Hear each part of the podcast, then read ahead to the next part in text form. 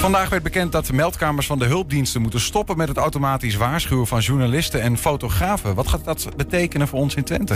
De kans bestaat dat de Twentse herenboeren neerstrijken op de Usselen S tussen Enschede en Usselo.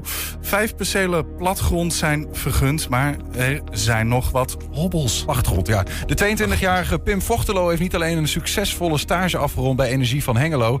De Saxion-student is ook nauw betrokken bij de oprichting van de gelijknamige coöperatie. En we gaan traditioneel op de dinsdag luisteren naar de column van Ton Ouwehand. Het is dinsdag 13 december en dit is 120 vandaag.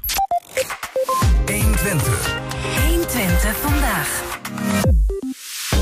Hoe staat het met hoe staat het met de plannen? Dat was heel hard inderdaad, ja. We beginnen over opnieuw. Hoe staat het met de plannen voor het terrein van de voormalige luchtbasis Twente? Dat evalueerde bureau Berenschot in opdracht van de gemeente Enschede en provincie Overijssel. In het kort, de plannen voor natuur en woning krijgen een dikke plus, maar voor de rest wil het nog niet echt vlotten. Er worden nog, geen, nog lang geen zwarte cijfers geschreven voor de exploitatie en dat zal de komende jaren ook niet gaan gebeuren. De provincie, voor de helft eigenaar, de andere eigenaar is Enschede, begint het welletjes te vinden. En nou, Enschede ziet nog steeds unieke kansen voor het gebied. Gisteravond sprak de gemeenteraad over de evaluatie van Berenschot. De hamvraag was, wat moeten we in vredesnaam met dat vliegveld? En collega Wilco Lauwers en Ernst Bergboer waren daarbij. Welkom, met z'n beiden zijn ze hier aangeschoven. Ah, twee eigen, oh. één eigen, twee eigen tweede. Ja, Gezellig. Ja, heel leuk. Ja. Volgers van de, eh, van, de, van de politiek hier in Enschede. Ernst, ik begin even bij jou. Uh, ineens lag er gisteravond weer een, een oud idee op tafel. Waarvan iedereen dacht dat het niet meer bestond. Dood en begraven was. Ja. Ja, Nee, het idee van een, van een commerciële uh, burgerluchthaven. Uh, werd gisteren weer gelanceerd. Was de VVD'er uh, Malkis Jajan, uh, fractievoorzitter van de VVD, die daarmee kwam met een motie. Um, gesteund door CDA, PVV en burgerbelangen. Um, dus ja, daarmee al een meerderheid. En die motie heeft dus ook gehaald. En dat ging eigenlijk om twee dingen. Een onderzoek naar de mogelijkheden van de ontwikkeling van een burgerluchtvaart. hoe heet? Een, een, burgervliegveld. -hmm. Um, en uh, en, en het, in, het, uitspreken van de intentie, wij willen hier weer een vliegveld. Daar kwam het eigenlijk op neer. Ja, ja. Uh, misschien even naar een videootje kijken, want uh, hij kondigt het zelf aan. Het enige wat er wordt gezegd is, we halen het taboe halen we eraf van burgerluchthaven. We geven groen licht en breng in kaart wat kan en wat niet kan... zonder dat taboe dat burgerluchthavens niet kunnen. En dan zou het kunnen dat, dat volgens de wethouder zegt... ja, ik heb er naar gekeken, ik heb onderzoek... en alle beren op de weg van de heer De Rode, die zien wij ook. Uh, en het kan zijn dat ze met iets anders komen. Dat zullen we dan moeten gaan zien. Maar wat deze motie om gaat is, laten we dat taboe eraf halen. En als de heer De Rode er zo erg van overtuigd is... dat, dat dan toch blijkt dat het allemaal niet kan... dan zou ik zeggen, stem voor en dan kunt u daarna uw gelijk halen. Dan kunt u naar me toe komen en zeggen... meneer Jajan, ik zei het toch? Ik zei het toch? Nou, dat, dat kan dan. Maar daar zijn wij nu niet. Misschien kort nog. Ja, voorzitter, ik wil graag, graag afronden. Want uh, kijk, dit is blinde ambitie en soms is die heel erg mooi. Maar kijk ook even gewoon om je heen. Want het gaat niet om ons wat wij hier doen. Het gaat om de inwoners van onze stad. Die gaat het geld kosten. En daar zal je naar moeten gaan kijken. En dat is wat niet gebeurt. Focus houden op ontwikkelingen die we wel kunnen realiseren. En die al moeilijk genoeg zijn. En geen blinde Dank ambitie. Dank u wel. Ik zie gewoon geen vraag aankomen. De heer Heutink. Nou, het is gezellig in de coalitie. Uh, ja, ja, ja, goed. Even, even een korte schets. Hè. Uh, uh, Malkis Jajan die zegt van ja, weet je, er is rust een taboe op de ontwikkeling van, van, van een vliegveld. Ja. Nou, dat taboe moet eraf. We moeten dat meenemen in, in de ontwikkeling van plannen, want het gaat niet zo goed met, uh, met dat terrein. Waar is dat Dus taboe op gebaseerd dan? nou, dat, komt niet uit de lucht vallen natuurlijk. Er is heel veel gedoe over geweest in het verleden. Op een gegeven moment, zes jaar geleden, ik het anders iets langer daarvoor, is er een commissie van wijzen ingesteld. Die heeft daar grondig onderzoek naar gedaan. Al die tegenstellingen, de kan dat nou wel of niet, een luchthaven. Die heeft de en maren bekeken en de knoop doorgehakt. Ze ja, dat is een onhaalbare zaak hier in, eh in Twente. In financieel gezien. Financieel gezien, om allerlei redenen. Financieel gezien, e- ecologisch. Er, zijn natuurlijk, er, er hangen nogal wat. eh, ja, en op zich zijn al die problemen. Die zijn er niet minder op geworden in de afgelopen periode natuurlijk. En ja, je hoort dan ook eh, coalitiegenoten, hè, ChristenUnie, eh Henry de Rode zeggen van ja, dit is, dit is blinde ambitie. Ehm, Ja. eh, Kijk naar het verleden. Dat, dat zei hij ook in het, in het debat. Van meneer eh Jajan, heeft u gekeken naar die, naar die commissie van wijzen, wat die hebben gezegd? Ja, ja, maar ik ben, nog veel jonger dan u en ik kijk niet naar het verleden, ik kijk vooruit. Zo'n soort antwoord. Hij meent het dan. serieus. Nou, ik denk dat hij het serieus meent. En op zich zit daar, het is ook niet zo heel vreemd Als je de optelsom maakt, en dat was veel aan de orde gisteren. Het vliegverkeer groeit wereldwijd. In 2050 wordt een viervoudiging, let op hè, van, uh, van luchtvaartbewegingen verwacht. Mondiaal dan weliswaar. En wij hebben een vliegveld, althans een, een vliegveld. We hebben een goede start- en landingsbaan. Dat is, dat is, nog geen vliegveld natuurlijk. Maar we hebben hier wat mogelijkheden. Dus waarom zouden die vlieg, als dat dan toch gebeurt wereldwijd, laat dan een stukje daarvan hier in Enschede plaatsvinden. Daar hebben wij profijt van. Mhm. Dus op zich is die gedachte weer niet zo heel erg wonderlijk. Als, als al het andere niet zo lekker wil vlotten hè, met, met de ontwikkeling van dat terrein. Dus daar komt het een beetje vandaan. Ja. Um, tegelijkertijd zijn natuurlijk de, de, de, de conclusies van die commissie van Wijzen van zes jaar geleden. Ja, de, de, de, de situatie is er niet bepaald makkelijker op geworden. Nee, nee. Dus blinde ambitie, zegt. Uh, maar goed, hij zegt: uh, laten we gewoon een onderzoek gaan doen of dat, uh, hoe haalbaar dat is. Dat is dan de, motie die nu is aangenomen. Begrijp dat is de motie die is aangenomen. Bevat twee dingen, wat ik net zei. Ja. Eén, laten we gaan kijken wat de mogelijkheden zijn. En laten we de ambitie uitspreken om hier een luchthaven, een commerciële luchthaven ja, te vestigen. Ja, maar goed, je hoort al, de Heutink van de oppositie, die zegt: hey, we hebben hier twee coalitiepartners, namelijk de VVD en de ChristenUnie en Enschede, die daar niet helemaal hetzelfde over denken. Nee, dat bepaalt niet. Ik, ik, ben nu ook een beetje aan het overdenken van wat, wat, wat, wat de consequenties zouden zijn als je daar daadwerkelijk, of, of, of, dat ooit een realistisch en haalbaar plan zou zijn hier en wat dat dan betekent. Maar er is in ieder geval al heel helder een heel duidelijke politieke consequentie. Ik denk dat zowel ChristenUnie als de PvdA, die beide deel uitmaken van de coalitie hè, met VVD en burgerbelangen, dat die twee partijen echt niet meegaan in de ontwikkeling van een luchthaven in dit tijdsgevricht in deze regio. Die zien dat helemaal niet zitten, willen dat niet, vinden dat ook niet bij deze tijd passen. Mm um, dus als daar echt een serieus een appel zou zijn van nou laten we dat met elkaar ontwikkelen, dan zie je ChristenUnie en PvdA in deze coalitie niet ja. meegaan met die plannen. Ja. Je hebt daar ook nog een stukje fragment van meegenomen. Ja, waar gaan we naar kijken? Uh, dit is misschien even kort uh, ter inleiding. Dit is uh, zometeen Barry Overink aan het woord, fractieleider van Burgerbelangen. De grootste partij in de gemeenteraad. Uh, levert ook de, de, de klimaatwethouder, hè, die gaat over klimaat. Die was niet aanwezig overigens bij het debat. Op zich een beetje opmerkelijk, maar was er niet. En je ziet ook de Barry Overink en daarom deze fragmenten... er ook een klein beetje een grap van maakt... Um, en dat valt ook niet heel erg lekker bij de mensen die het klimaatprobleem heel serieus nemen. Even als achtergrond. De wethouder Niels van den Berg wil het probleem klimaatcrisis niet in de mond nemen. Er is een tijdje geleden wat ophef over geweest. Nou ja, dit is zijn partijgenoot die de, de fractie in de, in de gemeenteraad leidt. En goed, die zegt daar het volgende, zegt een paar zinnige dingen ook maar die zegt daar het volgende over. Want ik hoorde net allemaal mensen een beetje in paniek hier zijn. Maar die motie die vraagt niks anders van... hou nou met elkaar het gesprek open. Als we het vervolg gaan bespreken... laat dit dan onderdeel zijn van dat gesprek. Dus we zeggen nog helemaal niet van... Uh, morgen moet een vliegtuig komen. Mag van mij. Uh, ik ga ook graag op vakantie van hier. En het is trouwens volgens mij ook heel duurzaam, hè, want...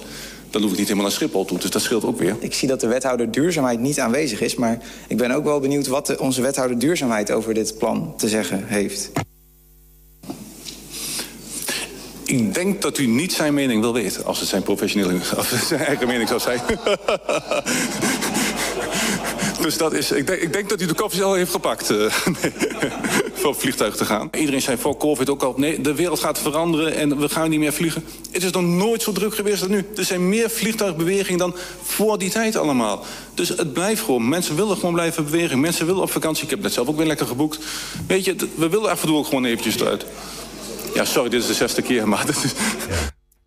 Ja, de, de, ik neem aan dat de, de, meer groene partijen zich niet heel serieus genomen voelen. Nee, met nee, hun, nee. Dat, die, die zaten al een beetje hè, moeilijk. Met, ik hoor trouwens net dat Niels van den Berg de wethouder ziek is. Vandaar dat hij niet aanwezig was bij dit debat. Nou, dat lijkt me een heel logische reden om er niet te zijn. Maar goed, die heeft een tijdje geleden, zei hij natuurlijk van ja, klimaatcrisis. Ik neem dat woord niet. Je zult mij dat woord niet in de mond horen nemen. Veel verzet ook binnen BBE tegen eventueel de komst van windmolens. Nou, noem het op. Dus dat is niet bepaald een partij die bekend staat als iemand, een partij die die klimaatcrisis serieus neemt. Ja, dat valt niet lekker bij, de, bij de linkse fracties in de gemeenteraad natuurlijk. Nee. Dan zie je overigens hier ook wel een klein verschilletje. VVD wil echt een luchthaven. BBE heeft meer zoiets van, ja, laten we erover hebben. De intentie van, laten we die ambitie met elkaar uitspreken. De BBE, BBE zit daar iets genuanceerder in. Die zeggen van, ja, laten we in ieder geval die, die mogelijkheid meenemen in, in verdere plannen... en kijken naar wat we nou met dat vliegveld daar in Twente ja, moeten. Ja. Maar dat is nu ook de concrete uitkomst van het aannemen van die motie gisteren. Motie is aangenomen. Dus betekent dat, uh, dat, de, of de, dat, de, dat het college inderdaad een opdracht heeft gekregen om, om te gaan onderzoeken wat de mogelijkheden zijn voor de komst van een, van een burgerluchthaven hier in Enschede. Toch bijzonder om eh, te zien dat dat weer op tafel eh, ligt op deze manier. Ja, dat Ehm, kan je in dit tijdsgewicht wel zeggen. Ja, ja. De- dan over een ander eh, item wat gisteren ook besproken werd. Wat overigens ook te maken heeft met, eh, nou ja, in ieder geval het luchthaventerrein. Ja. Ehm, eh, dat, dat gaat dan meer over de technology base, waar allerlei bedrijven gevestigd zijn. Maar ook het evenemententerrein bijvoorbeeld, hè, waar we soms de, eh, de, de, de musicals en zo zien verrijzen. Eh, de- wat is daarover eh, gezegd, Wilco? Ja, dat ging over asielzoekersopvang. Dat was eh, een informatiebijeenkomst voor raadsleden voorafgaand aan de raadsvergadering. Eh daar was Ernst bij. Toen was ik al met gierende banden naar huis eh, toen die begon. Ehm, maar in, in de, het was meer een update over, over asielopvang in Enschede. Hoe gaan we dat de komende tijd doen? Er moeten afspraken over worden gemaakt. Het kabinet heeft onlangs een brief gestuurd aan alle gemeenten... waarin ze zeggen, nou, is meer opvang nodig in het hele land. Ik leg het even heel kort uit. Hè.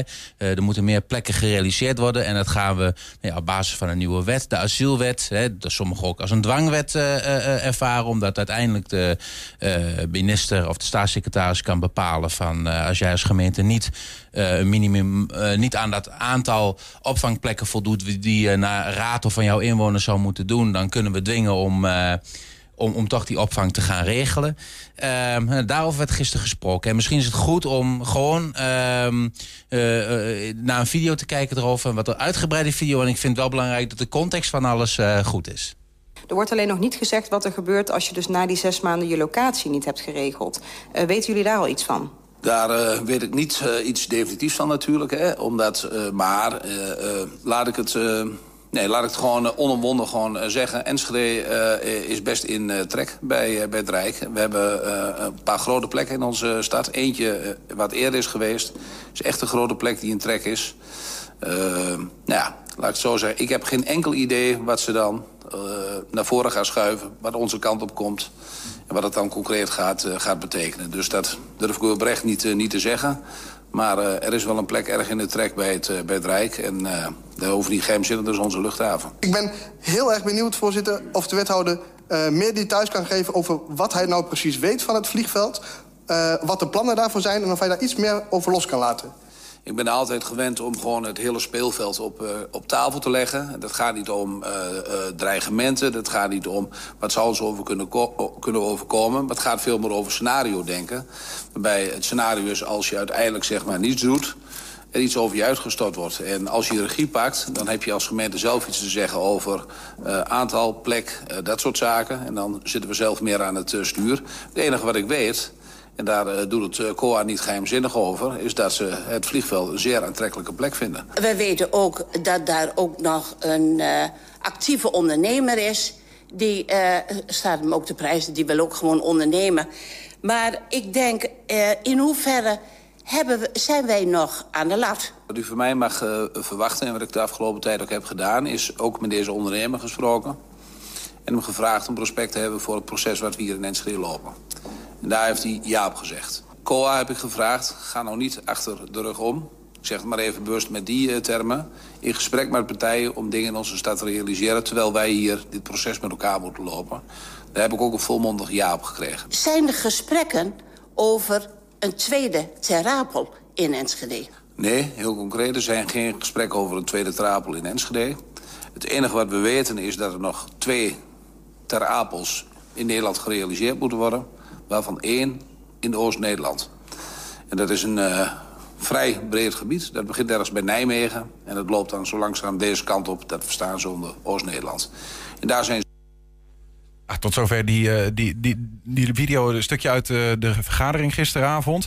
Um, even kort samengevat. Hè. Het gaat hier over uh, asielzoekers en het interesse van het Rijk namens het COA, of het COA namens het Rijk, hoe je het wil zien, in de luchthaven Twente om dat te gaan doen. Waar gaat het dan over? Gaat dat dan over kleinschalig, grootschalig, permanent? Nee, het zou in dit geval over, nou ja, wat is kleinschalig? Kijk, kleinschalig, uh, dat begint bij het COA bij uh, 250, uh, opvang van 250 mensen. Dus je zou kunnen zeggen dat het uh, om, om en nabij 500 zal Enschede voor de rekening moeten nemen. Volgens de huidige cijfers, als je het gaat doorvertalen, ja. dan is dat nou ja, redelijk kleinschalig volgens COA-begrippen. Heel veel mensen zouden zeggen 500, dat is Dat is een flinke, maar dat is voor COA-begrippen niet, niet uh, grootschalig of zo. En, Mhm. ehm, en, en dat zou permanent zijn of voor langere tijd. Uh, dus niet voor, voor twee, drie jaar, maar ja, dan heb je het wel over misschien tien jaar of vijftien jaar. Uh, daar gaat het dan om. En ja, die interesse voor de luchthaven, die is, um, nou, die is nu een keer uitgesproken. Dat, dat grondst al maanden, of maanden, uh, ik weet het in ieder geval al een maand van mensen die over het algemeen goed ingevoerd zijn. Dat die interesse daar is en dat er wel degelijk wordt gekeken naar de luchthaven. Ja. en de wethouder bevestigt dat gisteren eigenlijk, hè? Dat, dat die interesse er wel is. Ja, nou, hij zegt daar dan van, van nou, weet dat het er is. Weet ook dat uh, het Rijk op een gegeven moment gaat verplichten. En we zijn nu nog aan de lat om misschien zelf spelregels te bepalen. Maar wat bedoelt hij daar dan mee? Wat zijn die spelregels? Nou, de spelregels die de gemeente kan. Maar ja, je kunt als gemeente zeggen, we willen geen opvang. Dat kan. Dat kan de gemeente volgende maand, uh, gaan ze erover hebben volgens mij. En nog, nog iets op een, lang, een lange termijn nog een keer. Dus de komende maanden gaat dat zijn beslag krijgen. Maar je kunt als gemeenteraad zeggen, we willen geen, nul. Maar ja, dan, dat zegt, kan maar min of meer in zijn woorden. Dan weet je bijna zeker dat op een gegeven moment het Rijk gaat zeggen... ja, NSG zegt, we willen niks... Um, wij vinden, hè, eerst zijn, mogen gemeenten in heel Nederland vrijwillig aanbieden om uh, asielzoekers op te vangen. Nou, dat zal niet stormlopen, uh, verwacht ik zo. Um, dus er zal altijd een opdracht overblijven voor gemeenten. Dat zegt het COA waarschijnlijk, of, de, uh, of het Rijk, maar dan het COA voert dan uit. Um, je moet. En dan gaan wij uh, wat regelen. Ja, en dan is, ben je natuurlijk als COA vrij uh, om met een ondernemer... in dit geval uh, Vliegveld Twente evenementenlocatie... Ja. die eerder ook de noodopvang runde... om daarmee in onderhandeling te gaan. Nou, dat is, um, dat is denk ik een beetje het scenario... waarin Kampman op vooruit loopt. Ja. Um, Zoals ja, we in Alberg hebben gezien bij dat hotel. Ja, dus, dus, dus ja. hij zegt eigenlijk maak nou spelregels... En, en uiteindelijk zal daar iets in het midden uitkomen. Misschien dat als je naar de hele verhouding in de gemeenteraad kijkt... dat ze zeggen van... nou uh, laten we 400 mensen opvangen of, of dergelijke. Hè? Dat soort scenario's moet je in gaan denken. Ja, maar stel dat, dat Enschede dat doet, hè? die zegt tegen uh, het Rijk van oké, okay, uh, 400, maar dan wel, ik zeg maar wat, in Enschede-Zuid. Uh, is dan de luchthaven automatisch van de baan of blijft het stuur eigenlijk in handen van het Rijk? Uiteindelijk, dat, dat laatste. Hè, uh, dat, dat zegt Kamerman ook. Hij kan geen garanties geven. Lijkt me ook heel ingewikkeld als wethouder. Aan de ene kant zeg je, ja, als je niks doet, dan weet je bijna zeker dat je uh, aan de lat komt te staan. Dat je er ook heel weinig over te zeggen hebt. Doe je het wel, dan, en, en je zegt bijvoorbeeld, we willen het liever niet op de luchthaven, maar doe het dan in NSG Zuid. Ik, niet dat er nou sprake van is hoor, maar dat mm -hmm. zou een uitkomst kunnen zijn. Ja. Dan betekent het niet dat het Rijk automatisch zegt van nou dan laten we NSG verder met rust.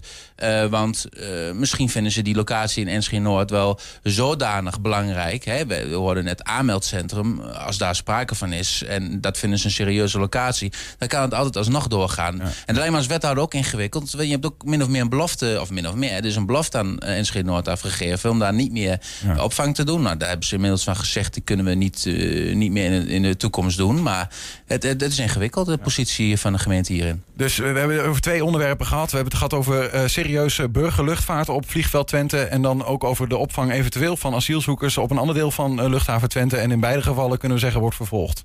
Absoluut. Denk ik. Ja. ja. Dank in ieder geval voor het uitleggen. Ernst Bergboer, Wilco Lauwers. Dank jullie wel.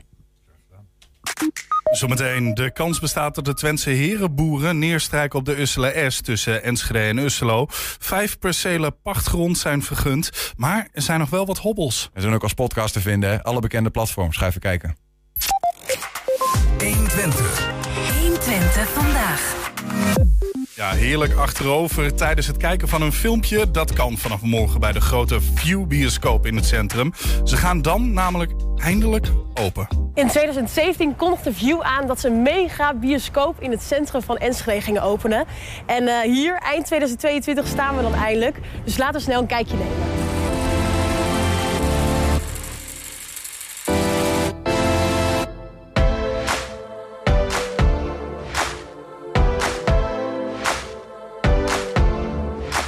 Mag het inderdaad zeggen, eindelijk. Eindelijk. Eindelijk, eindelijk. Want uh, eindelijk kunnen jullie open. Ja. Want wanneer kondigden jullie het nou precies aan? Dat jullie nou, ooit, maar dat was denk ik enige overmoed en optimisme. We hebben het zelfs over 2018 gehad dat we hier open zouden kunnen.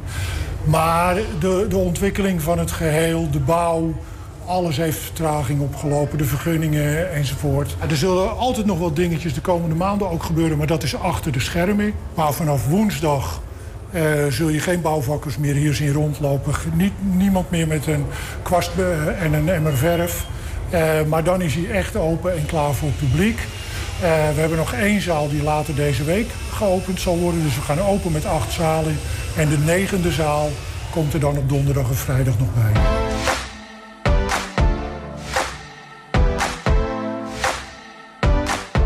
Kijk, en dan is het ook, dat hopen we, de bedoeling... dat, eh, dat mensen hier, als ze staan te wachten tot de zaal open gaat... even kunnen kijken wie is er nog meer. Wat allemaal Wat nog meer gebeurt is. er allemaal, wie komt er binnen. En hier kun je ook even napraten. Is dit nou een soort van, of lijkt dat zo, een soort van eh, DJ-tafel? Ja, dit is de DJ-booth. Voor, eh, daar staat de DJ. Dan, eh, dan loop je hier langs de verse popcorn. Dat is eh unique selling point van ons. De popcorn wordt ter, ter plekke gepopt. En komt niet uit grote zakken uit de fabriek, maar die wordt echt hier gemaakt. En alle zalen die gaan naar boven via de roltrap. En dan vervolgens ga je naar eh, de zalen toe. Oh, kijk eens.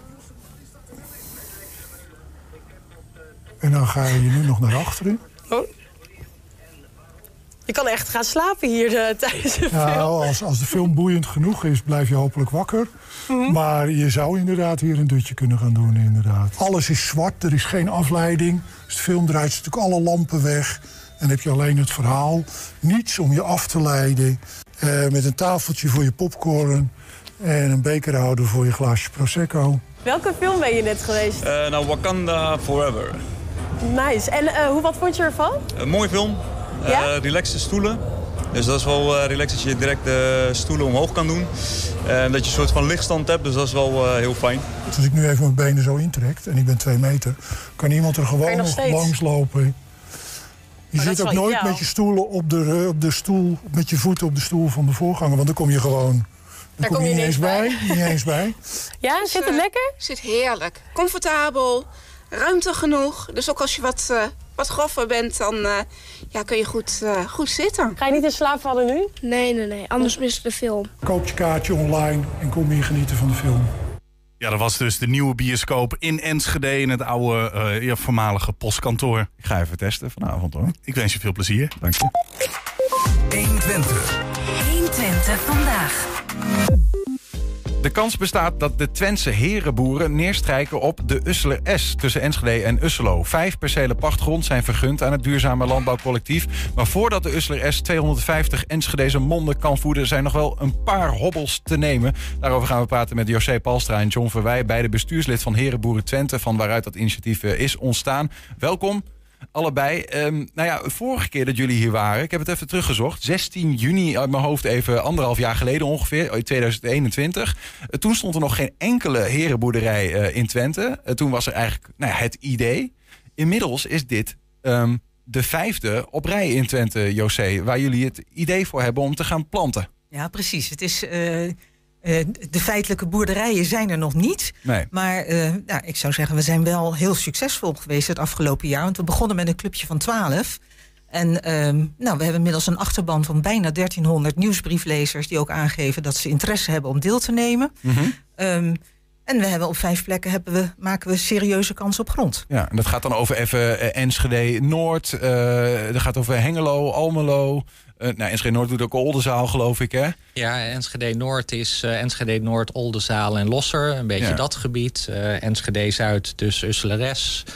Uh, Haaksbergen hebben we nog. Haaksbergen, Eibergen, Nede. Ja. eh, Hengelo, Borne en inderdaad Almelo. En we gaan nu praten over nou ja, de, de vijfde in rij, laat ik het zo zeggen, in Enschede Zuid. Die zou dan op de Usseler S kunnen komen, zeg ik nadrukkelijk. Want er zitten nogal wat dingetjes in. Maar misschien voordat we daarover hebben, John, een herenboerderij, voor wie het niet kent. Wat is dat eigenlijk? Eh, een heerderboerderij is een, eh, een coöperatieve boerderij eh, waar de leden, de huishoudens die lid worden, eigenlijk mede-eigenaar zijn van de boerderij. En waar eh, natuurgedreven, biologisch, economisch gedragen geproduceerd wordt. Groente, fruit, eieren en als je wilt ook vlees voor de leden. Um, en dat gebeurt uh, voor een groot deel met professionele boeren die in dienst zijn van de, van de coöperatie. Uh, en deels met vrijwilligers, uh, zodat we ja, lokaal ons eigen voedsel produceren. Ja, ja, jij bent zelf bestuurslid van Enschede Noord-Oldenzaal, hè? Ja, ik ben zelf bestuurslid van Enschede Noord-Oldenzaal. Dus staat die al? Nee, daar zijn we ook nog druk bezig met, met grond. Ja.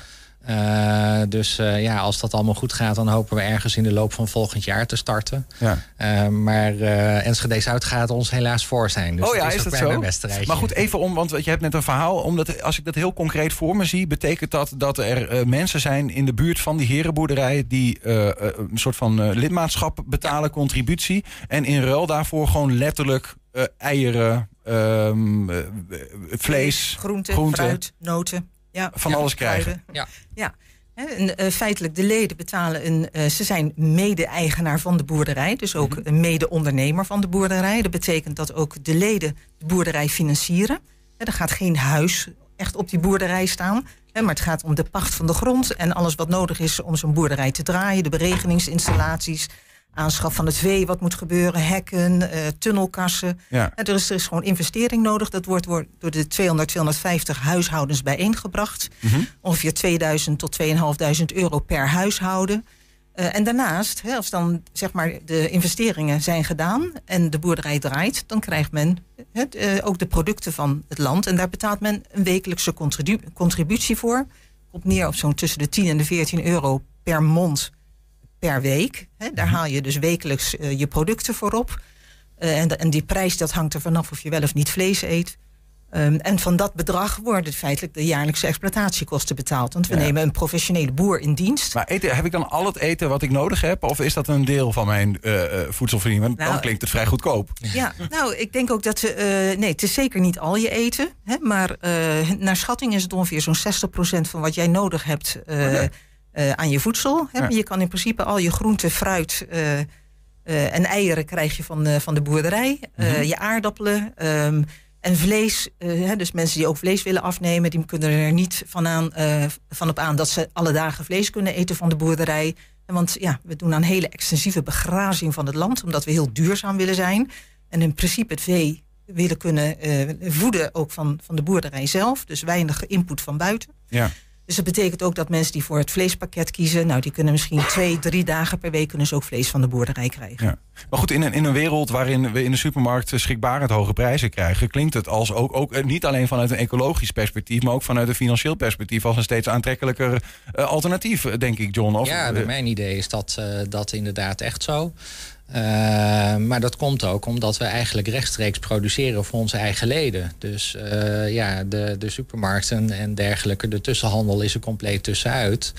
Uh, de, producten, de productie wordt letterlijk betaald door de leden. En in ruil daarvan krijgen we de opbrengst. Ja. Alleen jij, je bent ook risicodrager. Dus uh, ja, als het de oogst een keer uh, een beetje tegenvalt... Ja, dan kan het zijn dat je wat minder krijgt. En als het heel erg meevalt, dan krijg je wat meer. Nou ja, en, en die risico's die, um, nou ja, die zijn ook in het beginstadium van zo'n herenboerderij zijn er, zijn er ook. Hè. Daar moet je keuzes over maken. Daar, kunnen we, daar gaan, we, daar gaan we het nu over hebben. Want um, nou ja, kijk, we zien hem hier op, op, op de foto, de Usseler S. Prachtig stuk grond hè, tussen Enschede en Usselo. Um, dat is opgedeeld in een x-aantal kavels. Jullie hebben in principe daarvan afgelopen vrijdag vijf kavels vergund gekregen. Dus een voorlopige vergunning, begrijp ik. Wat kan er nog misgaan? 19 december wordt die, uh, wordt die zeker? Maar... Ja, feitelijk is er nu, na afgelopen vrijdag, is er een bezwaartermijn ingegaan voor, tien, uh, he, voor gedurende tien dagen. Mm -hmm. Dus stel dat er uh, ja, serieuze rechterlijke procedures gestart gaan worden, uh, dan kan de gemeente nog tot, tot een andere conclusie komen. Maar dat ligt niet nee. voor de hand. Nee, dat is een formaliteit lijkt het te worden. Ik, dat... ik vermoed het. hier zien we even, ook om het concreet te maken, het plaatje met de, de, de, vijf kavels zeg maar, aan de rechterkant. Dat zijn ze geloof ik, hè? Ja. ja. voor, voor het beeld um, zien we aan de rechterbovenhoek loopt ongeveer de Usselen rondweg langs. Hè? Dus we zien aan de rechterbovenhoek zien we... Nou ja, aan de andere kant van de Usselen rondweg is ergens de intratuin, om het zo maar te zeggen. Klopt. En aan de rechteronderhoek loopt dan ergens de Haaksbergenstraat. Zo neem ik het aan, hè? Ja. Ja, om een beeld te krijgen van waar we ongeveer die, naar kijken. Uh, die witte streep aan de onderkant is inderdaad uh, de Haaksbergenstraat. Ja, ja, precies, daar ja. En, en hier, wordt dan nog, hier moet nog een boerderij op worden uh, gezet. En die grond moet landbouw klaar worden gemaakt. Of wat, wat moet er allemaal nog mee gebeuren? Nou, een boerderij, wat ik al zei, we, we bouwen geen boerderij. We hebben wel een opstal nodig. Ja. We zijn in gesprek met iemand uh, aan, de, aan de Uslar S... Uh, die bereid is zijn opstal aan ons uh, te verhuren. Dat is belangrijk, want we hebben een uitgiftepunt nodig. Mm -hmm. En waar we ook de leden één keer per week hun producten kunnen ophalen. Waar we zelf zeg maar, machines kunnen plaatsen. Waar we kans hebben om leden ook te treffen. Hè? Want zo'n boerderij bruist van Vereniging. activiteit. Ja. Het is ook Ja. een vereniging, zo Ja. is het gewoon. Ja. Ja. Nou ja, 19 december wordt die vergunning definitief. Gaan we even vanuit. Maar dan ben je er nog niet, eh, John, blijkbaar. Nee, dan moet alles nog van start gaan. Eh, sowieso, eh, we moeten zorgen dat we voldoende leden hebben per herenboerderij. Daar zijn we hard aan aan het trekken. Eh, maar ja, we zijn op zoek naar 200 à 250 huishoudens. En eh, voor deze locatie hebben we die nog niet bij elkaar. Want je moet gewoon genoeg geld hebben, simpelweg, om het spul van de grond eh, te krijgen. genoeg leden hebben die genoeg geld kunnen inleggen om, om die hele startinvestering te doen. En Ja. ook om straks alles wat geproduceerd wordt, om dat ook op te kunnen eten. Ja, ja. Wat, hoeveel, even over, als het gaat over Enschede Zuid, hoeveel heb je er nodig? 250, zeg je? Ja, een, een 200 à 250 eh, leden. en het doel is om ongeveer 500 personen daarvan te kunnen eten. Ja, ja. Eh, ja. dus dat hangt een beetje vanaf hoeveel één of twee of meer persoonshuishoudens eh, zich daarvoor aanmelden. Hoeveel heb je er nu? Op dit moment zitten wij bijna 90 eh aspirantleden die de intentieverklaring hebben getekend. En dat hopen we eigenlijk te tillen naar eh, 180 voor het einde van de maand. Dus we hebben nog wel even wat te gaan. Ja, ja. Nou, want dat is het ook. Hè. Eh, stel dat je die eh, grond vergund krijgt, dan ze op 1 januari zou je dan de, het contract tekenen om die grond inderdaad te gaan pachten van de gemeente. Maar ja, dan Ja. zit je eraan vast. Dan gaat het geld kosten. Dus je moet wel Ja, voor die tijd klopt. zeker weten dat je genoeg middelen hebt. Ja, ja. en feitelijk is er nog wel een ander echt heel spannend iets eh, aan de Usseler S. Want een herenboerderij bouw je eigenlijk voor een generatie. Hè. Je, we gaan aan de slag om daar de kwaliteit van de grond te verbeteren. eh, hè, daar weer leven in terug te brengen. Dus eigenlijk moeten we daar gewoon een generatie kunnen staan. En op dit moment hebben wij geen garantie nog van de gemeente... dat wij daar langer dan twee keer drie jaar kunnen boeren. En dat is eigenlijk gewoon te kort. Dus eh, nou, dat is heel spannend. Daar gaan we onze aspirantleden ook bij betrekken. Maar wanneer Eh, weet je dat dan wel? Pas als je de ehm, grond gaat pachten? eh, nou Ja, ja, misschien pas eh, over zes jaar. Ja, wellicht. Dus dat is een hele, hele spannende beslissing. Hebben wij het vertrouwen in de gemeente dat ze inderdaad zo graag dat buitengebied willen verduurzamen? Eh, ja, Ja. dat zij ons niet eh, over zes jaar confronteren met kom, laten we daar zo'n woonwijk gaan neerzetten. Maar en de- hoe zien jullie dat? Ja, durf je dat bijna niet te zeggen? Want ik kan me voorstellen, als je mij zou vragen, word lid. Hè, en ik zeg van, nou, is goed, maar dan ga ik dus betalen om eh, en melk terugkrijgen, dat soort dingen. Maar misschien over zes jaar is dat allemaal teniet gedaan. En haal ik eigenlijk mijn investeringen er niet uit, Ja. om het zo te zeggen. Ja, en dat, dat, is, dat is dus een serieus risico. Hè. Dat is een, een gok die ook hoort bij het ondernemen. Ehm, en eh, ja, het is niet aan ons als bestuur om te bepalen eh, of we dat gaan doen. Maar het is eh, aan de leden, Aan de om leden, te gaan ja. zeggen van gaan we dat dan ook daadwerkelijk doen. dus op 20, eh, 20 december, nadat wij weten dat we het vergund krijgen, dan zitten wij met onze aspirantleden om de tafel. Dan gaan we alle voor's en tegens met elkaar eh, doornemen en hakken we de knoop door Mhm. of we het pachtcontract eh, gaan tekenen of niet. Ja, nou ja, en de, de mensen die dus nu zich inschrijven, die kunnen daar nog bij zijn eh, om, om mee te beslissen. Ja, zeer zeker. Lijkt me heel belangrijk. Hou even, ja, dat heb je in in principe nu al wel gedaan. Maar van, wa- wat is nou. het- waarom moeten mensen gewoon meedoen? Want je, moet- je moet wel een beetje in de buurt wonen, geloof ik. Hè? En Enschede Zuid is wel handig dat je op de fiets kunt komen. Het is, ja, precies. Dat is het allermooiste. We willen een heel duurzaam, duurzame boerderij zijn. Dus dat betekent ook dat je daar liefst met je fietsje naartoe gaat. Hè? Dus het zijn de mensen die in de buurt van de USLS wonen. Hè? eh, nou, die moeten daarvoor intekenen. Woon je meer Enschede Noord? Nou, teken in voor het, voor het initiatief eh, van John. Eh, hè? Almelo, Identito, hè? Borne-Hengelo, Ja. Haaksbergen. Ja. Ehm, dus dat is denk ik belangrijk. Kies voor de boerderij die dichtstbij is. En, eh, en nou, wordt de Usseler S niet, we zijn eh, niet, eh, gaat dat niet door, dan gaan wij meteen door naar plan B. Oh, je hebt een plan B? En we hebben ook een plan B. Daar kan ik inhoudelijk nog niet te veel over ontsluiten, maar ja, je moet altijd een plan B hebben. Ja, dus even, John, samengevat, als je wil gewoon eten wil hebben wat ecologisch in die zin verantwoord is en misschien zelfs financieel voordeliger, dan moet je voor die herenboerderij gaan. En het is ook nog Ja. gezellig. de Ja, nou, dat is, eh, dat is het doel. Hè. Het is echt een, eh, een, eh, een, een, iets van samen. Een vereniging die, eh, waar de leden ervoor kiezen om op deze manier eh, een eigen voedsel te gaan produceren. Eh, waar je mee kunt helpen als je dat wilt. En, eh, en waar professionals ook mee bezig zijn om, eh, om dat daadwerkelijk te gaan doen. Mhm. Want ik weet niks van boeren. En dat wou ik eigenlijk ook graag zo houden. Zo zie je er wel een beetje uit met die hoed. Zo'n stroding in, eh, uit de mond. Nee, maar kijk, inderdaad, ieder zijn vak. Ja. Dus er komen zeker professionals, professionele boeren bij... die dat, die dat moeten gaan organiseren en gaan begeleiden en moeten gaan uitvoeren. Ja. Eh, maar ja, het is ook een vereniging, eh, dus er zitten ook financiële aspecten aan. Er zitten ecologische aspecten aan. eh, er zitten fiscale aspecten aan. Dus eh, de- daar worden allerlei mensen bij betrokken om dat op een goede manier te doen. Tot slot, José, belangrijkste vraag misschien wel. Waar eh, kunnen mensen jullie vinden? Nou, het handigste is Google even op Herenboeren Twente. Uh, Twente Twente.herenboeren.nl is onze, onze website. Maar even googlen en je vindt ons. Mhm. Dan vind je uh, ook uh, de toegang tot de intentieverklaring en alle spelregels die daar omheen zijn. En um, nou, ik zou zeggen, doe mee. We zitten te springen om, om leden. Dank voor jullie komst en voor de oproep hier. José Palstra en John Verwij, succes met het initiatief. Dankjewel. Dankjewel. 120. 120 vandaag. Ja, levensmiddelen ophalen voor de voedselbank met een bollenkar. Dit doen de kartrekkers van Enske. Eerder spraken we Chemal Dogan, initiatiefnemer van die kartrekkers, hierover in de studio. We werden nieuwsgierig en gingen samen met Chemal op pad langs de deuren van Enschede Zuid. Nou, wij gaan zo uh, rondlopen bij ons in de straat. Ik Ja. heb hier uh, mijn, uh, mijn buurman en mijn beste vriend Jacob met mij mee. Wij doen dit altijd samen. Uh, en wij gaan gewoon in onze straat huis aan huis langs om aan iedereen te vragen of ze één artikel levensmiddel te doneren hebben.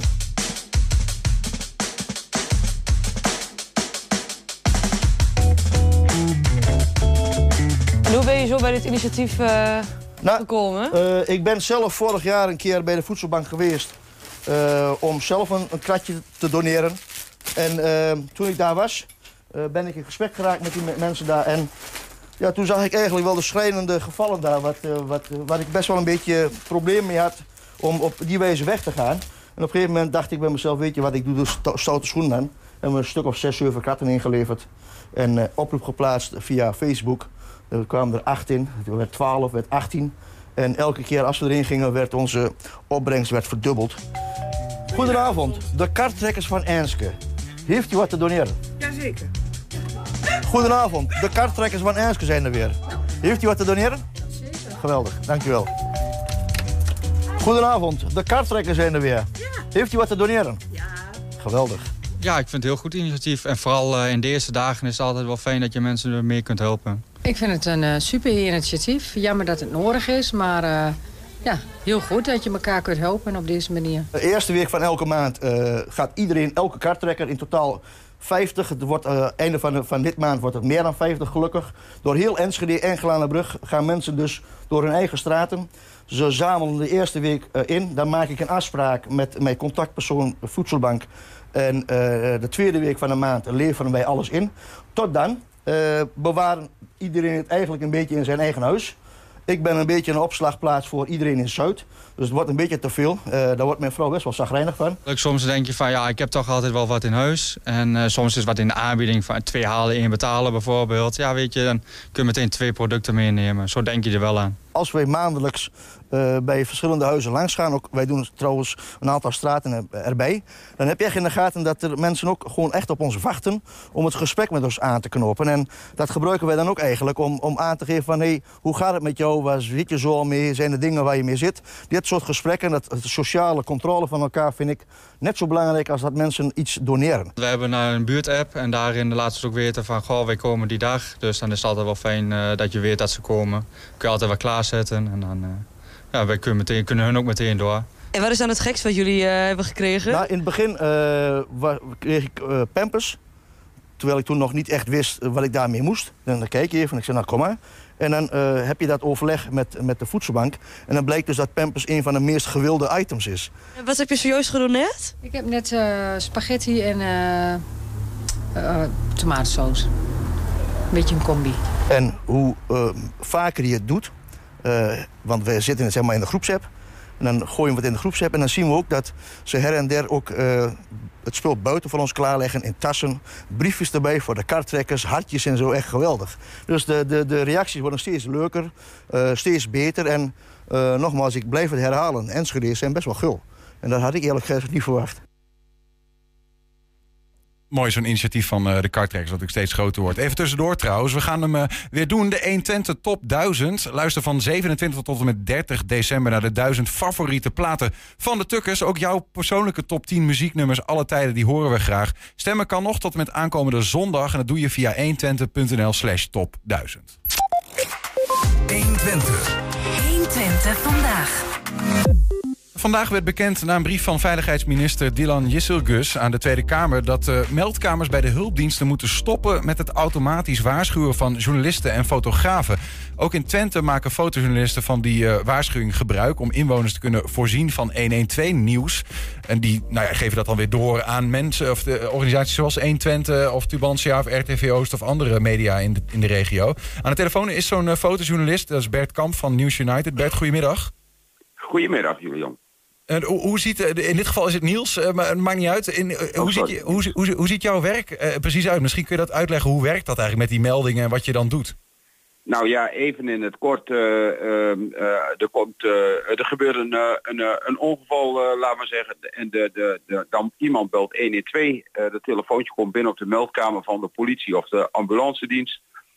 Die, schakelt, die schakelt de auto's naar het incident. En eh, tegelijkertijd eh, krijgen wij een berichtje eh, via het P2000 systeem dat er een ongeval heeft plaatsgevonden op een bepaalde locatie.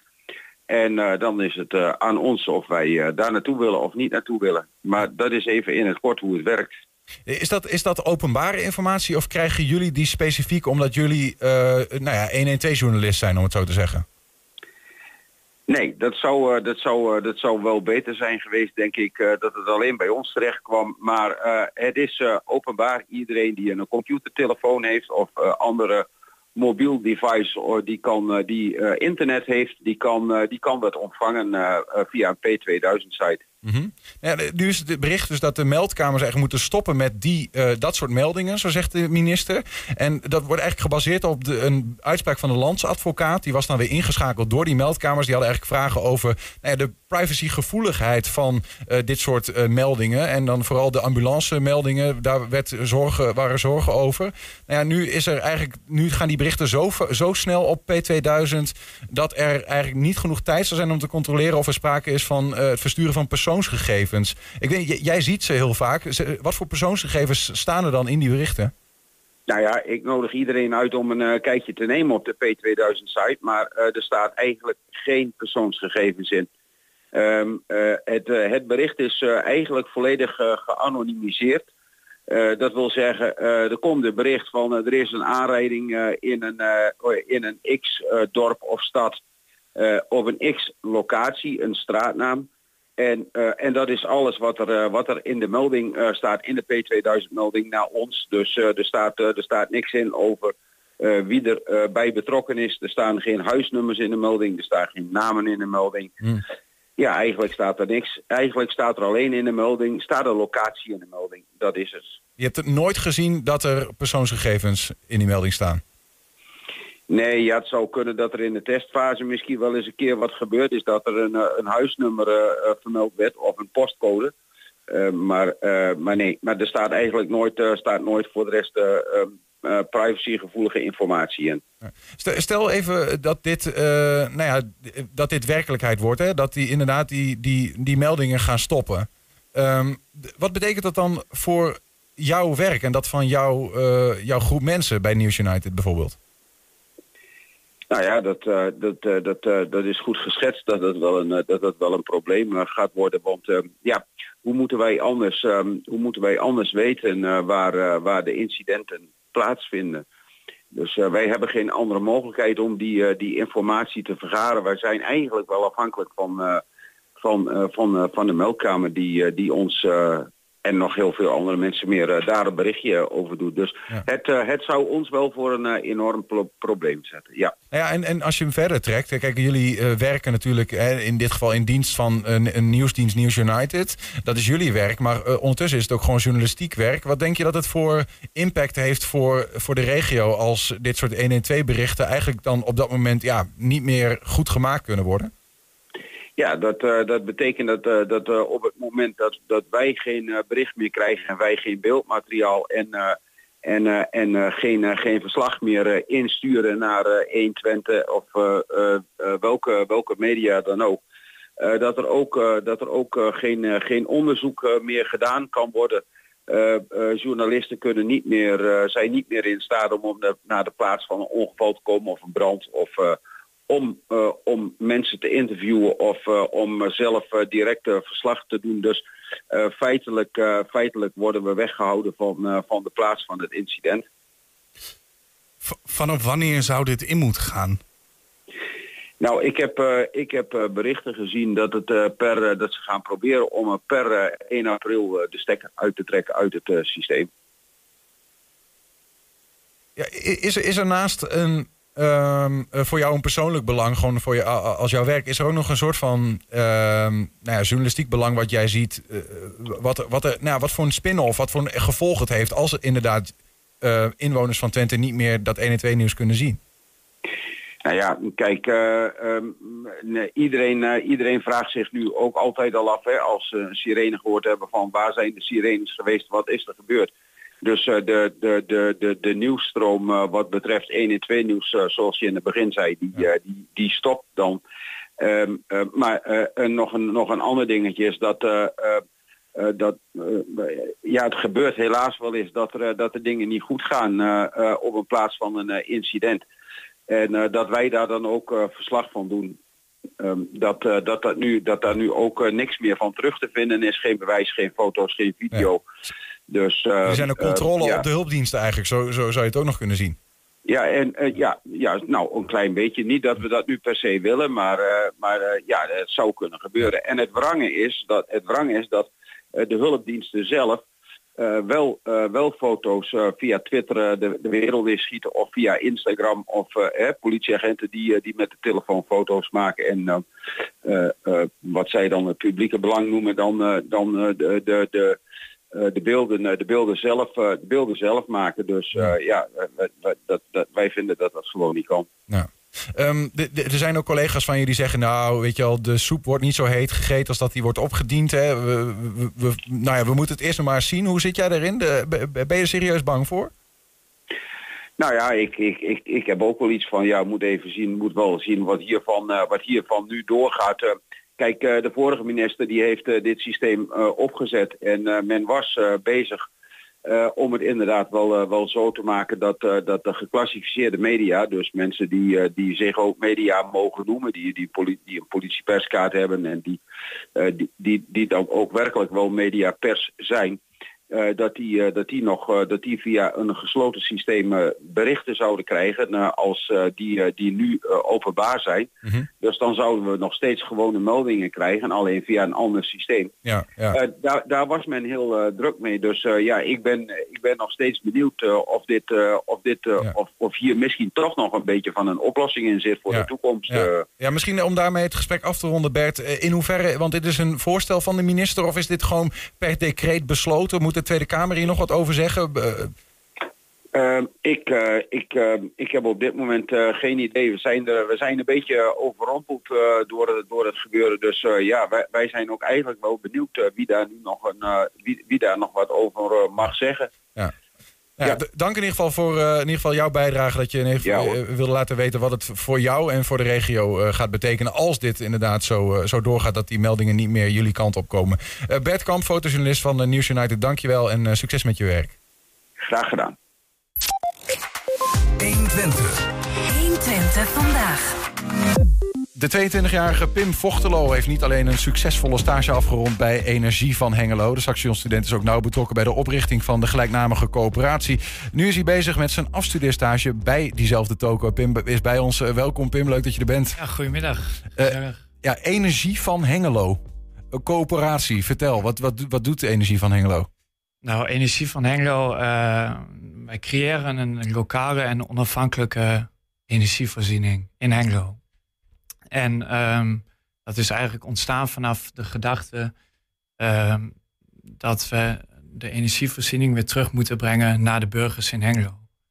Het zou namelijk ontzettend zonde zijn dat als wij straks in onze omgeving allemaal energie gaan opwekken, eh, dat al die winsten daarvan wegvloeien naar buitenlandse grote investeringsmaatschappijen of grote energiebedrijven die alleen een commercieel belang hebben. Mhm. Dat een windmolentje wordt neergezet in Twente, die er nog niet is, maar dat dat dan gewoon op het net komt en dat dat eh, wordt weggestro- weggestroomt. Precies, precies. Ja, ja. Eh, Jij bent 22, hè? Hoezo ben je daar zo mee bezig, joh? Nou ja, eh, als eerste instantie vanuit school werd ik gestimuleerd. Ik heb een opleiding uh, bedrijfskunde doe ik. Ja. Dus een stukje ondernemerschap zit er wel in, zeg maar. Ja. Uh, minor circulaire economie gedaan. Via die weg ook een beetje die kant op gestroomd. En uiteindelijk gewoon de kans gezien dat er zoveel geld wordt verdiend in de energietransitie. En dat, dat stroomt allemaal weg. Dat is zo ontzettend zonde. En daarom de kans gezien om dat in Hengelo ja. te bewaren. Maar goed, dat stroomt al weg, hoor ik jou zeggen. Dat betekent dus dat een initiatief zoals Energie van Hengelo... Uh, ook veel goedkopere energie kan uh, leveren. Nou ja, goedkoper is natuurlijk uh, de bedoeling. We kunnen als, als inwoner van Hengelo kun je klant bij ons worden... bij het lokale energiebedrijf. Mm -hmm. maar er zijn ook nog andere dingen die wij doen... waardoor wij de cirkel van de lokale energievoorziening rondmaken. Dus namelijk mensen kunnen bij ons lid worden via die weg uh, kun je meedenken en meewerken aan de toekomst van de verduurzaming van Hengelo. Ja, mensen, de burgers in Hengelo kunnen ook investeren in onze projecten. En op laatst kunnen hier brand- en kerstverlichting, kunnen ze ook die stroom afnemen van die projecten. Ja. En zo creëer je dus een cirkel Ja. waarbij de energie binnen Hengelo blijft. Het gaat, het gaat totaal niet om windmolens waar jullie mee financieren, waar dan, die dan ook deels gewoon door ehm, op het netstroom komen waar iedereen gebruik van maakt. Je wil echt een gesloten systeem bouwen voor jezelf. Ja, ja en eh, ook voor onze omgeving natuurlijk. Ja. Ja. Hoe, hoe is dat zo, eh, eh, hoe is dat zo tere- die energie van Hengelo, hoe is dat tot stand gekomen? Nou ja, we, ik, eh, mijn vader is gepensioneerd en die, eh, die had samen met het idee van een vriend van jongens, we moeten hier wat mee gaan doen. Mhm. Uiteindelijk met een gesprek gehad met de gemeente Hengelo. Toen kwamen we erachter dat er nog andere mensen hiermee bezig waren. Dus toen zijn we één club gaan vormen. En eh, zijn we nu al een jaar bezig eh, en op weg om te kijken hoe we dit eh, voor elkaar gaan zetten. Ja, lukt dat een beetje? Ik, ik weet in Enschede zijn ze er zeven jaar mee bezig. Daar, daar, is het, daar gaat op zich goed. Maar ze zeggen wel van ja, het mag nog wel wat bekender worden. Ik had laatst een gesprek met de scheidend voorzitter. En die zei ik eigenlijk van ja, wat jij schetst, goedkopere energie. Hè, je weet, je, je, je, staat heel dicht bij het vuur letterlijk. Mhm. Maar toch heeft hij nog moeite om iedereen aan de Enschede energie te krijgen. Hoe is dat in Hengelo? Nou ja, wij staan nu eigenlijk in de stad van de, van de, ja, in de startblokken van een grote professionaliseringsfase. We, gisteren is onze nieuwe website Energie van Hengelo de lucht in gegaan. En eh, binnenkort gaan we ook in Hengelo gaan we de wijken in. Ehm, dus eigenlijk staan we echt in de staat van een, van een heel groot eh, traject. Mhm. Dus, eh, en van onze campagnes. Dus eh, ik heb er enorm vertrouwen in dat dat goed gaat komen. Want het is echt een hot item natuurlijk op dit moment. Nou ja, al helemaal nu dat eh, de gasprijzen door het dak gaan, dan hoef je niemand te vertellen. Ehm, ja, nee, maar dat, dat, eh, de mensen in jullie schoot zal werpen. Of wat is jouw vertrouwen, verwachting daarover? Nou ja, ehm, goed ook om te zeggen is denk ik dat de goedkoopste stroom is natuurlijk de stroom die je niet hoeft te verbruiken. En daarvoor, en daarvoor hebben wij vijf ervaren wooncoaches die bij mensen thuis gaan, langs gaan in Hengelo voor energiebesparingstips. Dus burgers in Hengelo kunnen via onze site een eh, aanvraag doen bij een van die wooncoaches en dan komen ze gewoon gratis bij je langs. Mhm. En dat is denk ik eh, waar het allemaal mee moet beginnen. Ik herinner mij trouwens een gesprek wat, eh, wat we hier hadden over stroom vanuit de Twentse beken. Eh, en, eh, dat zou dan gaan over nou ja, de, de water, eh, het water wat stroom opwekt. Is dat iets waar energie van Hengelo ook eh, energie uit zou kunnen putten? Ja, er is eh, momenteel eh, zo'n projectje eh, aan de gang inderdaad. Met eh, een waterrad dat als stroom genereert. En daarnaast ook andere zon op dak projecten. En dat, daar ligt natuurlijk de prioriteit. Ja. Eh, wij willen ervoor zorgen dat die duurzame energie op een zo mooie mogelijke manier wordt ingepast in Hengelo. En daar eh, hebben we de burgers bij nodig natuurlijk. Ja, ja, ja. Hoe, en jij, jij studeert ook af nu bij. Ja, ja, ja. eh, wa- Wat is jouw rol dan? Wat, hoe ziet dat eruit, dat afstudeerproject? Nee, ik eh, doe onderzoek naar lokaal draagvlak. eh, en eh, voor, de, voor de ideeën van de energie van Hengelo. En hoe de zich als organisatie daarop zouden moeten positioneren. Is toch dat nodig is- dan, het onderzoek naar draagvlak? Weet je wel, ik, eh, we hebben het er net het over. eh, be- weet je wel, goedkopere energie. Je weet wat je, de, je, je hebt er zelf zeggenschap over. Nou ja, het eh, de- is nu al gebleken dat er inderdaad heel veel enthousiasme is. Maar er zijn natuurlijk ook mensen die eh, s- wellicht in protest gaan. eh, of eh, als er ergens een windmolen komt of een zonnepark. Wat- nou ja, en wij proberen... dat- die kans is er dat en- energie van Hengelo zegt, wij planten de windmolen. Nou ja, wij proberen het wel op zo'n mooi mogelijke manier te doen. En namens eh, dat de inspraak is van de burgers in Hengelo. En daar, kijk, daar houden we rekening mee. Wij hebben het korte lijntje met de gemeente. En eh, Ja, maar goed. Ja, de, burger, de een inwoner van Hengelo, de een is de ander natuurlijk niet, hè? daarom, en daar, nou, daar gaat mijn onderzoek ook deels over. Van hoe we die mensen ook mee kunnen laten participeren in het, eh, in het hele gebeuren. Ja, ja. Maar goed, dat is een, dat is een vrij ingewikkelde vraag natuurlijk, hè? Waar veel gemeenten hun kop eh, over breken natuurlijk altijd. Ja, daar kom ik ook achter. Ja, ja wat, wat, heb je daar bepaalde ideeën al over van wat dan wat in ieder geval belangrijk is als het gaat om dit soort eh, vraagstukken om draagvlak te houden? Nou ja, het is, eh, transparantie is enorm belangrijk en inspraak. Eh, wat ik net al zei, is dat, dat, dat burgers echt het idee hebben dat ze, dat ze mee kunnen bepalen over de projecten. Mhm. Ehm, en dat dat op een zo mooi mogelijke manier eh, gebeurt. Want we zijn eigenlijk ook dus vanaf de gedachte ontstaan dat, dat het gaat gebeuren in de toekomst. Dat is zeker, dat staat vast. Daar, eh, ja, daar kan niemand meer omheen. Als in dat wat gaat gebeuren? Nou ja, dat, eh, dat nieuwe duurzame energieprojecten gerealiseerd gaan worden, die Ja, niet ja. altijd even mooi zijn natuurlijk. Maar hoe dat gaat gebeuren en op welke manier, daar hebben we nu nog als burgers van Hengelo invloed op. Ja. Nou, dank voor jouw transparantie aan deze tafel dan. eh, dat je in ieder geval in dit stadium van jullie processen hier iets over wilde vertellen, Pim. En eh energie van Hengelo.nl, hè, dat is hem, zei, hoorde ik je Dat zeggen, toch? energie van Hengelo.nl. Pim Vochtelo, dankjewel voor je komst. Succes met jullie eh, coöperatie. Ja, graag gedaan. En met het draagvlak. Kom goed. Heb je een tip voor de redactie? Mail dat dan naar info.120.nl. En je kan ons ook telefonisch bereiken. Dat kun je doen via telefoonnummer 053 432 7527. Ik zal het nog één keer herhalen. Dat is 053 432 7527. 120. 120 vandaag. Ton Ouwehand, welkom. Dankjewel. December jazzmaand. December jazzmaand. Ja, ja, dat is wel. Ja, dit, Dit, december dit is wel de ja, jazz. Dit is de jazzmaand, hè? Ja, en aan het einde van het... Wist je dat het volgend jaar is jazzjaar, hè? Ja, nee, dan moet je niet gekker worden. Nee. Maar en, en hoe vier jij dat dan, dat jazz? Ja. Daar gaan we nog een keer uitgebreid over hebben. En dat dacht ik al. De column van Ton Ouwehand. Ja, is getiteld Freek de jonge, jonge, jonge, jonge, jonge, jonge. Wanneer smiddags om vier uur onze schoolbel was gegaan en we gingen voetbal spelen, dan kwam Freek er altijd aan. Freekie woonde in de buurt, maar zat niet op onze school. Het was een imbeciele jongen, een Mongool. Ja, jazzvrienden, als u dit voor het eerst hoort, dan zult u wel denken, hier moeten excuses worden gemaakt. Imbeciele jongen, Mongool, dat zeg je toch niet over een tot gehandicapt gemaakte medemens? Die noem je toch iemand met een verstandelijke beperking, of beter iemand met een intellectuele uitdaging? Maar het kan ook dat u zegt: hé hey, jongens, jongens, is dat niet dat liedje, dat liedje van Willem Wilmink? Nog één keer: Willem Wilmink heeft geen liedjes geschreven. Hij schreef liedteksten en dat werden pas liedjes als Harry Banning er muziek bij had bedacht. Maar verder hebben deze mensen gelijk. Dit zijn de eerste acht regels van Freekie. Een liedje uit de Stratenmaker op Zeeshow uit 1974, gezongen door Joost Prinsen. En Joost vertelde niet zo lang geleden dat toen hij de zes coupletten van dit liedje had ingezongen, opnameleider Gerrit den Braber riep: Dit is geen goed lied, er zit geen refrein in. Willem Wilmink was ook in de studio en voelde zich beledigd door die opmerking. Refrein, refrein, wat, wat voor refrein, wat moet je daar doen? mompelt hij, verstoord. Freekie, Freekie, jongens, daar is Freekie. Ja, goed, antwoordde Den Braber. En hij draaide zich even naar Harry Banning. Als jij nou die woorden even opschrijft en daar thuis... Hij hoefde zijn zin niet eens te voltooien.